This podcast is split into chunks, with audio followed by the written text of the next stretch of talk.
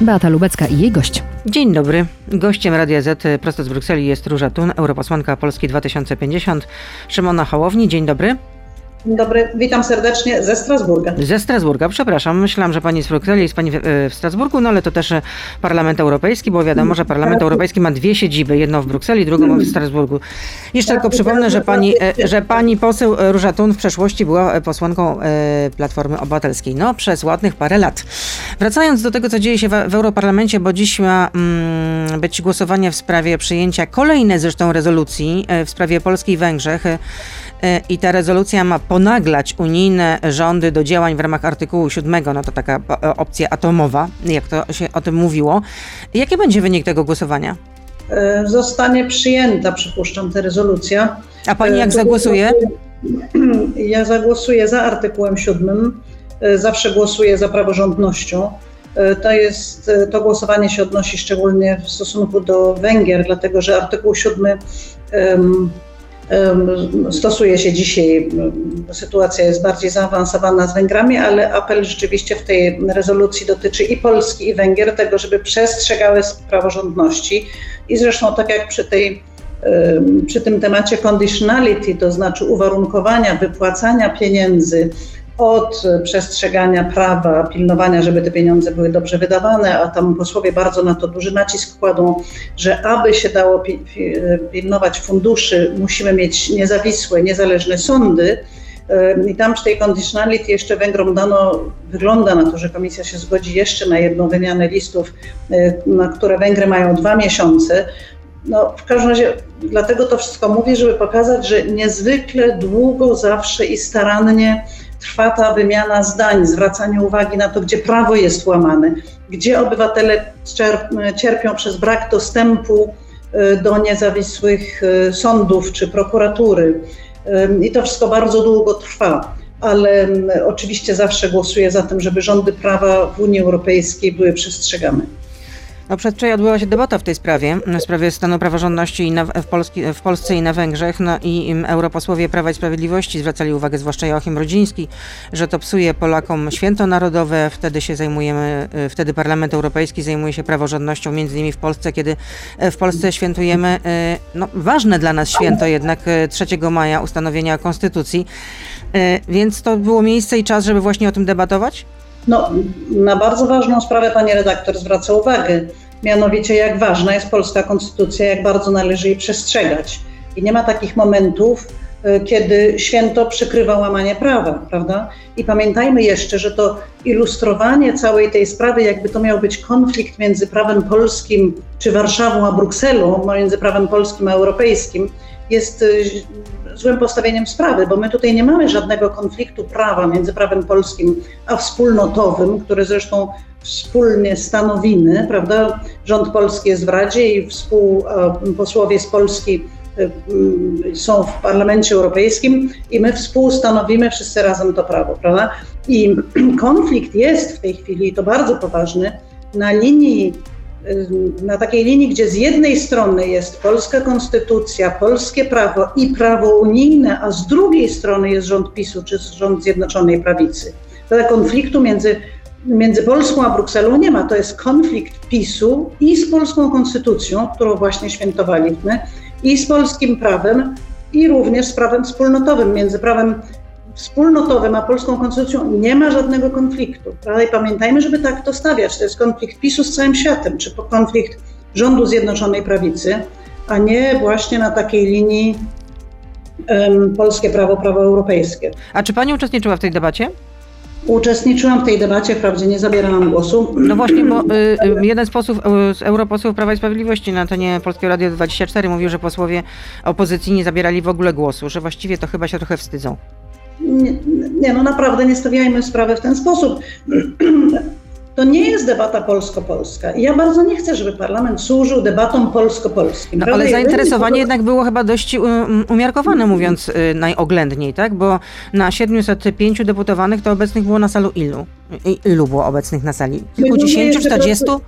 My ciągle jeszcze pracujemy w takim systemie hybrydowym i bierzemy udział w debatach. Znaczy, ci, którzy nie przemawiają, bardzo często nie są na sali plenarnej, tylko są w swoich biurach, w których mają monitory, które pokazują nam salę Mhm. plenarną. Czyli y, to, to ile osób uczestniczyło w takim razie w tej debacie? Nie wiem, nie wiem, ile osób uczestniczyło w tej debacie. Ta debata już jest po raz któryś. I bardzo nie chciałabym, żebyśmy to reprezentowali jako taka debata e, polska opozycja i polski rząd na sali plenarnej w Parlamencie Europejskim. Temat przestrzegania praworządności jest tematem europejskim. My pilnujemy tego, żeby we wszystkich krajach Unii Europejskiej prawo było przestrzegane. Więc to, kiedy w Polsce łamane jest prawo, jest tematem dla całej Unii i na temat Polski nie wypowiadają się Polacy. No, taka jest charakterystyka PiSu, że wszyscy się zgłaszają do głosu, kiedy coś tyczy Polski.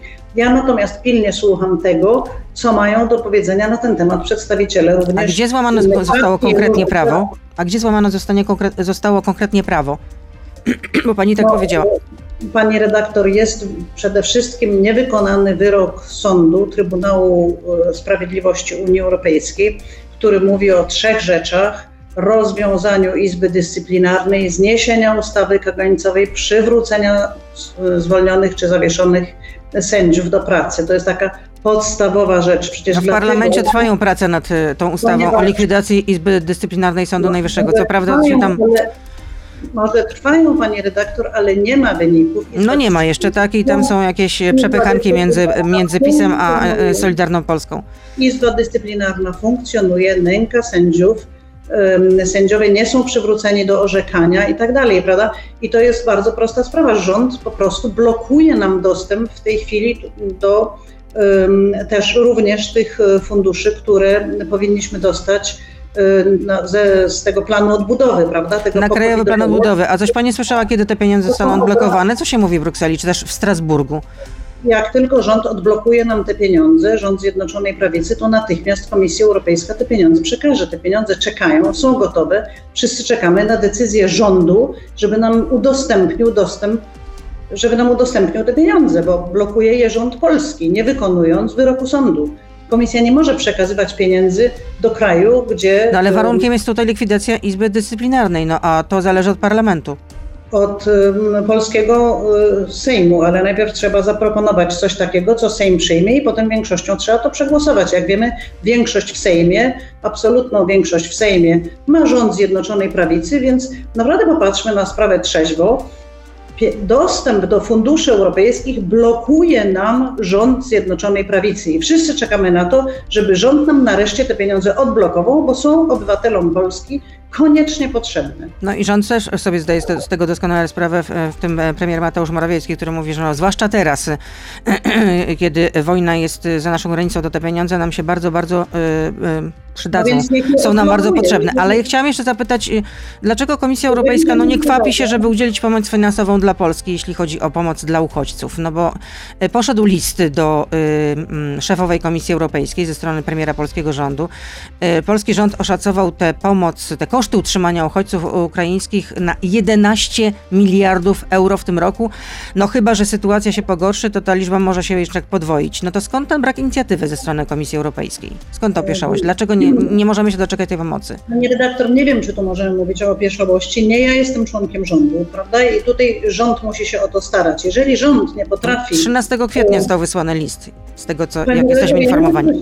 Ja nie jestem tutaj ekspertem od e, relacji między rządem a Komisją Europejską. Ja jestem w Parlamencie Europejskim, ale nigdy nie słyszałam, muszę przyznać, żeby miliardy były przekazywane na, e, w sposób listowny, prawda? Że pisze się list i dostaje się pieniądze. Normalnie składa się bardzo dokładne wyliczenia, wnioski, podania i tak dalej. Nie wiem, czy rząd to wypełnił. Chciałabym to zobaczyć. Dlaczego? Dlatego, że to jest inny fundusz, ten fundusz pomocy migrantom. Specjalnie go Komisja Europejska ustanowiła i tam pieniądze są, więc jakoś wątpię, żeby tam była jakaś ogromna opieszałość. Po pierwsze. Po drugie, nie wiem, jak jest z kosztami, e, które rzekomo rząd ponosi ze względu na tę migrację, bo tak jak ja to obserwuję, to e, główny ciężar, zasadniczy ciężar, e, w naszym stopniu też e, satysfakcję, czy jak powiedzieć, bo pomaganie jest czymś wspaniałym, ale to przejmują na siebie obywatele Polski, samorządy, organizacje pozarządowe.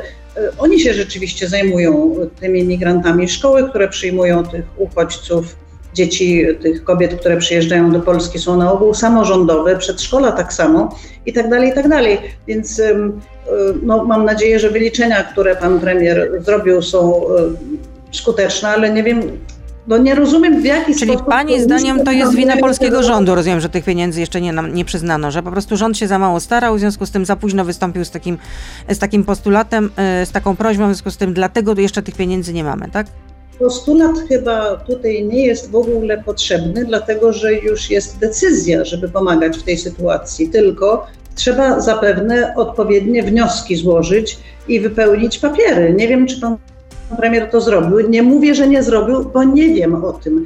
Chciałabym, żeby pani redaktor zwróciła się z tym pytaniem do polskiego rządu i niech pokażą te papiery, które złożyli w komisji i niech pokażą, jak komisja y, na te papiery nie odpowiedziała, bo coś mi się ta całość nie skleja. Komisja w tej chwili po prostu ten, ten Parlament Europejski i Komisja Europejska funkcjonują e, w tak zawrotnym tempie, jeśli chodzi o Ukrainę, jak nigdy dotychczas. Prawda? Te decyzje idą o wiele szybciej niż wszystkie dotychczasowe decyzje. Ale znowu, tempo, ale znowu tempo nie jest tak oszałamiające. No to teraz już musimy na razie postawić no, pauzę w części e, radiowej. E, pani poseł Róża Tun z nami zostaje. Jesteśmy na, jesteśmy na Facebooku, na Radio na YouTube, więc proszę zostać z nami. Beata Lubecka, zapraszam. Proszę dokończyć swoją myśl, jesteśmy w części internetowej, proszę dokończyć swoją myśl. Musiałam brutalnie przerwać, ponieważ część radiowa nam się zakończyła. Chciała Pani dokończyć, bardzo proszę. Um, tak, ja bym powiedziała, że y, pamiętajmy, że mamy, y, jednak jesteśmy w Unii Europejskiej, która się składa z 27 państw i te państwa wyrażają ciągle jeszcze nie daliśmy takich kompetencji ani Komisji, ani Parlamentowi Europejskiemu, żeby mogli decydować za wszystkich i mamy tutaj Radę, to znaczy przedstawicieli rządów, którzy muszą wyrażać zgodę na różne rzeczy. Akurat tak się składa, że rząd Zjednoczonej Prawicy nie przyspiesza integracji Unii Europejskiej, tylko raczej ją spowalnia. Więc jeżeli narzekamy na długie procedury, no to też zwracajmy się do tych, którzy nie chcą silniejszej Unii Europejskiej, mocniejszych instytucji z większymi kompetencjami. Ale jeśli chodzi teraz o tą sytuację ukraińską, to po pierwsze takiej jednogłośności w parlamencie nigdy nie było. Zgody komisji na właściwie wszystko, co przyjmujemy, nie było dotychczas i y, wysupływania, mimo trudnej sytuacji, bo kraje cierpią po pandemii, wysupływania dodatkowych pieniędzy na pomoc Ukrainie, nigdy tak, takiej akcji jeszcze nie widziałam. No Jesteśmy... ale mimo wszystko, y, z całym szacunkiem, no trudno porównywać sytuację krajów Unii Europejskiej, nawet poturbowanych przez pandemię, z tym, co się dzieje teraz w Ukrainie. No absolutnie nie da się postawić tutaj znaku równości. Poza tym tych krajów jest 27. I co? No, tylko mówię w tym sensie, że chyba no, stać jednak Unię Europejską na tą pomoc. No, no, no, no, to nie jest kwestia, że stać czy nie stać. Po prostu takiej pomocy należy udzielić i tyle i kropka, po prostu. Oczywiście, pani redaktor, ale na to ja bym też bardzo chciała, żeby budżet Unii Europejskiej był wyższy. Nie wiem, czy zdajemy sobie z tego sprawę, że budżet Unii Europejskiej to jest 1% budżetów, jak się złoży budżety kraje członkowskie na kupę. Tych, te pieniądze też są ograniczone całkiem po prostu i to nie jest jakiś worek bez dna, gdzie Unia sobie może w ciągu dwóch tygodni opodatkować dodatkowo kraje członkowskie, wziąć od nich pieniądze i przekazywać je na Ukrainę, co zapewne byśmy wszyscy bardzo chętnie zrobili, tylko my wszyscy w Parlamencie Europejskim zapewne by taka decyzja miała większość, tylko nie widzę takiej zgody na razie, żeby więcej przekazywać do wspólnego budżetu z krajów członkowskich. Pamiętajmy, ten budżet nie bierze się z nieba, tylko to są nasze składki. W tej chwili jeszcze jest ten dodatkowy budżet e, ze względu na sytuację covidową, który się w znacznym stopniu składa prawda, i z pożyczek, i z I dotacji. obligacji, ale, e, ale, ale to są pieniądze, które należą do krajów członkowskich, do obywateli Unii Europejskiej. Oni musieliby wyrazić zgodę i tak dalej, i tak dalej. Zawsze walczymy o to, żeby budżet unijny był wyższy proszę posłuchać głosów, które dochodzą z naszego kraju na przykład, czy rzeczywiście chcemy więcej pieniędzy w tym koszu wspólnym naszej wspólnoty europejskiej. Nie, no słyszałam, nie słyszałam, no, słyszałam również głosy ze strony Solidarnej Polski, żeby w ogóle zawiesić y, składkę członkowską y, do, y, do, do budżetu. Dlatego, że nie dostaliśmy tej pomocy dla, na pomoc dla uchodźców, no ale to ten pomysł nie przejdzie. Ja na chwilę chciałabym od, od, odejść od spraw unijnych, bo chciałabym, na, chciałabym poprosić Panią o komentarz w pewnej sprawie. Do tego wrócimy jeszcze, ale chciałabym poprosić jeszcze o komentarz w pewnej sprawie. E, papież Franciszek w wywiadzie dla Corriere della Sera, dla włoskiej prasy, powiedział, że Putin być może napadł na Ukrainę, bo pomogło szczekanie NATO pod drzwiami Rosji. No retoryka po prostu kremlowska. Dlaczego głowa państwa, e, głowa Kościoła katolickiego, głowa Watykanu szuka jednak usprawiedliwienia dla tego, co zrobił Putin? To nie jest jakaś forma usprawiedliwienia. Ja Jak pani wiem, to odebrała jako, jako jednak osoba wierząca, praktykująca katoliczka? E, Nie wiem, czemu papież tak powiedział. Nie wiem, czemu tak powiedział. Po prostu nie wiem. Ale poczuła się pani, nie wiem, no, sfrustrowana, oburzona. No jak pani to, jakie emocje pani towarzyszyły? No bo jednak ta wypowiedź, no wielu podniosła ciśnienie, także wielu katolikom. Nie rozumieją tego po prostu ludzie. Tak, ja też nie rozumiem. Ja też tego nie rozumiem i zapewne jak wrócę ze Strasburga, bo tutaj e, przez 14 godzin na dobę jestem zajęta innymi sprawami, to zapewne będę starała się przeczytać Całość. Całą, wypowiedź, całą wypowiedź papieża, e, zobaczyć tłumaczenia, przeczytać komentarze na ten temat ludzi, e, którzy nie szukają wojny, tylko szukają pokoju e, i starają się to zrozumieć, ale nie wiem, czy to jest do zrozumienia rzeczywiście. Nie wiem, czy to określenie, jak ono brzmi normalnie, jak się używa w języku portugalskim przetłumaczonym na włoski. No nie wiem, muszę przyznać, nie wiem, jest to dla mnie sytuacja kompletnie niezrozumiała i trochę tego człowieka, który charakteryzuje się jednak maksimum dobrej woli i zwróceniem się z pełnym zrozumieniem i wsparciem zawsze do słabszych, no jakoś kompletnie, no trudno mi jest to oceniać w tej chwili, bo oryginału tego tekstu jeszcze nie przeczytałam, ale wiemy, że papież rzeczywiście zawsze broni słabszych, prześladowanych i tak. Dlatego dla mnie... No ale tutaj słabszym prześladowanym są Ukraińcy, co do tego w ogóle nie ma Oczywiście. wątpliwości. Nie przepraszam, Ukraina nie prosiła się o to, żeby po prostu, y, żeby Putin napadł No, na, na, na ten kraj. nie No i nie też te zarzuty mówić. wobec NATO, no, no są Nie, co no, najmniej ogóle nie wątpliwe. W ogóle tutaj nie ma prawda, o czym mówić. To jest oczywiste, że. No i jeszcze ta retoryka, szczekanie na to pod drzwiami Rosji. No jakbym słyszała po prostu propagandystów kremlowskich, no po prostu wypisz, wymaluj, no, powiedziała- no miód na serce Putina można powiedzieć. Papież Franciszek jeszcze powiedział, że nie wybiera się na, do Kijowa, przynajmniej na razie, za to chciałby się spotkać z Putinem. Już 20 dni po wybuchu wojny y, poszedł taki, poszła taka wiadomość z Watykanu do, miała pójść taka wi- wiadomość z Watykanu do, do Moskwy, że, że papież chętnie wybrałby się do Moskwy na, rozmo- na rozmowę z No, Putinem, na na pewno spotkanie. jeżeli by się papież, więc wracamy do tego, że w ogóle oczywiście nie ma żadnej wątpliwości, yy, kto tutaj kogo prześladuje, prawda? No, no w ogóle i rzeczywiście ta wypowiedź dla mnie jest jak na razie bardzo bolesna i kompletnie jej nie rozumiem, ale no, nie jestem w stanie jej jeszcze dzisiaj ocenić. Musiałabym zobaczyć, jak to naprawdę było, ale teraz zastanówmy się nad tym wyjazdem do Moskwy. Ym, Jasne, że bardzo by było miło, gdyby papież spotkał się z prezydentem Zeleńskim, tylko czy to zmieniłoby sytuację? Po prostu Zeleński jest bohaterskim prezydentem bohaterskiego kraju w tej, w tej chwili i oczywiście należy go wspierać z całych sił.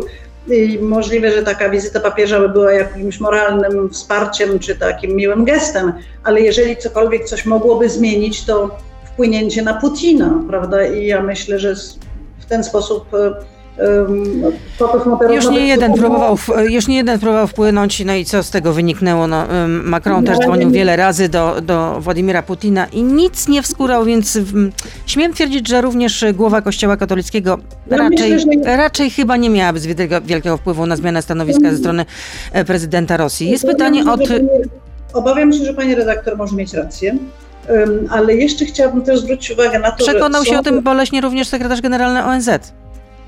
Tak, tylko że po pierwsze jednak jest taka zasada, że rozmawiamy do końca, zawsze staramy się jednak, prawda, sytuację zmienić e, rozmową, jeżeli tylko się da. W tym wypadku prawdopodobnie się nie da. A po drugie, też zwróciłabym na to uwagę, że są tacy ludzie, którym po prostu w głowie się nie mieści, że istnieje taki szaleniec zły jak Putin, prawda, że, się, że z kimś w ogóle nie da się merytorycznie, rzeczowo rozmawiać nad ym, wychodzeniem z okropnych sytuacji w sposób pokojowy, że, że, no, że rozmowy w ogóle nie ma. To jest bardzo trudne do wyobrażenia sobie dla ludzi, którzy budują No, no najwyraźniej po prostu mamy zupełnie inne systemy wartości, tak można powiedzieć. W Tak związku z tym e, mówimy dwoma różnymi językami i chyba tutaj mamy do czynienia z wieżą Babel, chociaż to nie jest taka mała wieżyczka, no nie, Nie, duża, jest- duża, duża. I, I nie można się po prostu porozumieć w tej sprawie. Jest pytanie od, y, od słuchacza. A propos właśnie tego, co dzieje się w Parlamencie Europejskim, również w, konte- w, kontekście, w kontekście tych pieniędzy na KPO. No, Pyta e, słuchacz, dlaczego europosłowie z Polski, którzy reprezentują partie opozycyjne, w tym Polskę 2050 Szymona Hołowni, inicjują w Parlamencie Europejskim rezolucję przeciw swojemu państwu, domagając się wstrzymania środków dla Polski? Przepraszam bardzo. Dzisiaj już rozmawialiśmy o tym. Po pierwsze, nie inicjują, po drugie, to. No ale to, że odbyła się debata, to odbyła się chyba na wniosek posłów, e, e, którzy zasiadają w tych największych fracjach parlamentarnych, posłów Platformy i Lewicy, tak czy nie? Nie.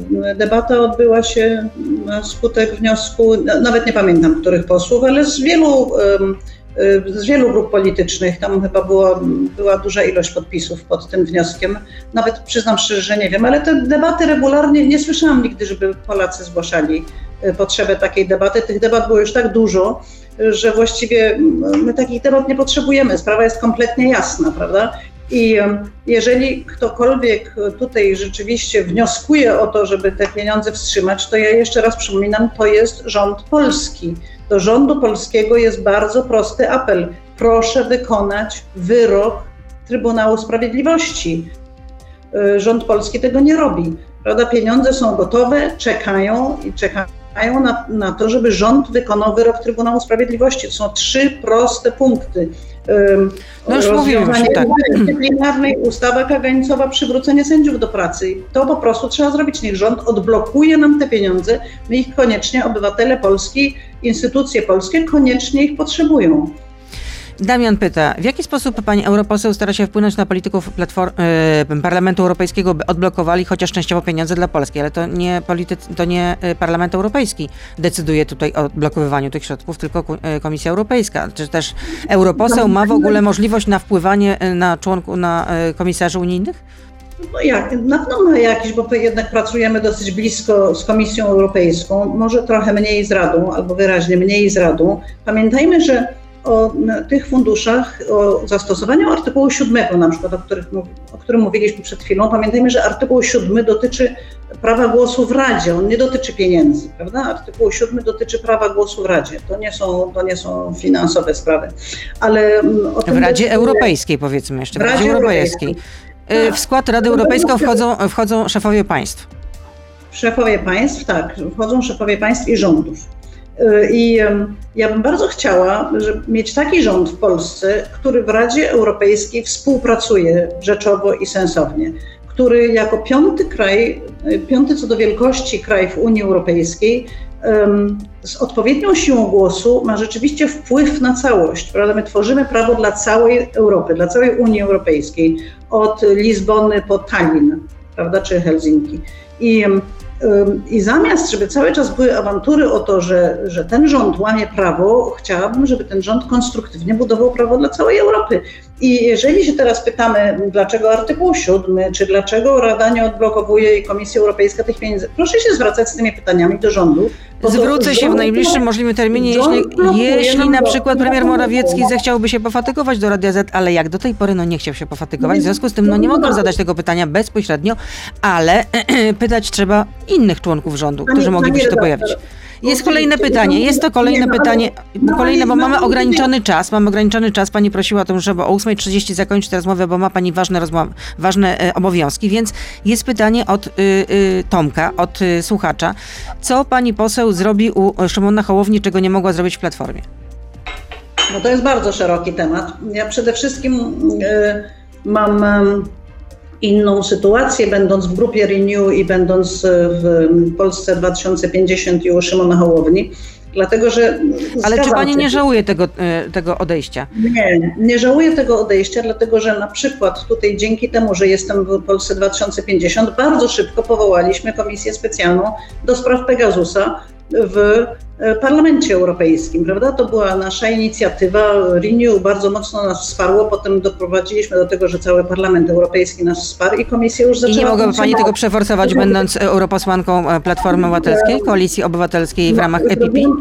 Dynamika pracy w Polsce 2050 i w Renew Europe jest zupełnie inna niż tego doświadczałam dotychczas. Po drugie jednak rozchodziły się nam głosowania. Czyli chce Pani powiedzieć, że w ramach tej polskiej delegacji, w ramach APP to jest, e, to się wszystko jakoś tak y, ślamazarnie odbywa? Po pierwsze nie chciałabym mówić wszystko i tak dalej. Ja wpływu na rzeczywistość e, w Platformie nie bardzo miałam, albo znacznie mniej niż to, co jest w Polsce 2050, gdzie jest bardzo jasno napisany program i wiemy, do czego idziemy. Polska 2050 ma bardzo jasno sformułowany program i wiadomo, o co chodzi. Po Aha, drugie, czyli tutaj ma pani większą sprawczość, rozumiem, tak? W, w Polsce Tak. 2050, a w Platformie Obywatelskiej nie było takiej sprawczości Ja z pani strony, tak? Mam większą sprawczość, czuję większą sprawczość, dostaję ważne dokumenty opracowania i tak dalej. Ale Czyli tu jest pani doceniana, a tam nie.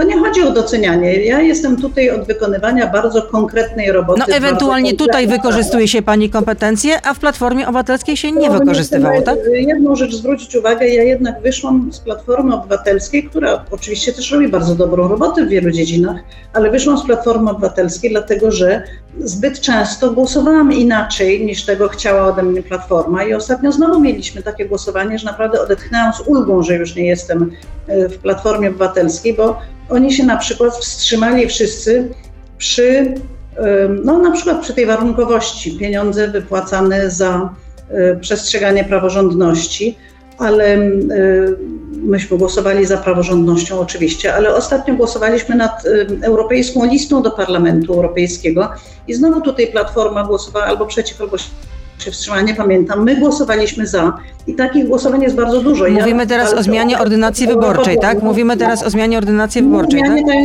Tam jest taki dodatek, prawda? Ma być wybranych 28 osób, posłowie i posłanki. Takich dodatkowych, których wybieraliby wszyscy obywatele Unii Europejskiej. Tak. Z e, okręgiem wyborczym by była cała Unia Europejska, to są dodatkowe miejsca. I, A te nowe regulacje kiedy wejdą w życie ewentualnie? Bo to na razie... Mam nadzieję, że już następne wybory m, tak będą się odbywały. Mam Czyli nadzieję, następne w 2024 odbędą się już według tej nowej ordynacji? To To jest, e, no mam nadzieję, że to przejdzie, prawda, jeszcze przez Radę i tak dalej. To Muszą się zgodzić też państwa członkowskie na tą zmianę.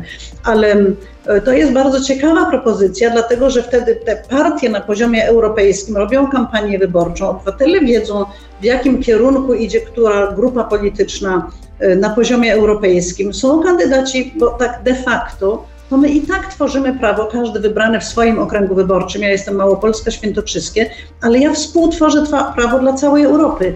Więc dlaczego nie mieć przynajmniej na razie grupy posłów, które, którzy są wybrani przez tę całą Europę, prawda? Dobrze. Jest to wątpliwe, czy wszyscy się na to zgodzą w Radzie Europejskiej. Ja tutaj mam duże wątpliwości. Jest kolejne pytanie. Jest e, 8.29. Czy mogę zadać jeszcze jedno pytanie? Słucham pilnie. Filip pyta, kiedy wejdą w życie regulacje dotyczące jednego rodzaju ładowarek? No, ta operacja już na szczęście się bardzo posunęła daleko. No tak, ale jeszcze nie witamy się z gąską tak do końca. No nie, nie, bo jeszcze potrzebujemy czasu na implementację, który skróciłam z 24 miesięcy bodajże do 15. Ym, I teraz, y, jak to zostanie już przyjęte y, przez, musimy się dogadać tutaj. Za, to znaczy tak, Parlament Europejski przyjął już ostateczną decyzję, w której są te wszystkie moje postulaty, właśnie, żeby ona była jedna do wszystkich małych, przenośnych urządzeń elektronicznych. No Rozszerzyliśmy dobrze, to jest pierwszy krok. To jest pierwszy tak krok. jak, zresztą tak jak Państwo chcieli, tu się zwracam do słuchaczy, wiele osób pisało do mnie, że jeszcze trzeba głośniczki przenośne, ładowarki i tak dalej, i tak dalej. Wszystko y, te, y, te, te, te, bezkablowe Słuchawki bezprzewodowe. Słuchawki, słuchawki bezprzewodowe i tak dalej, aparaty fotograficzne.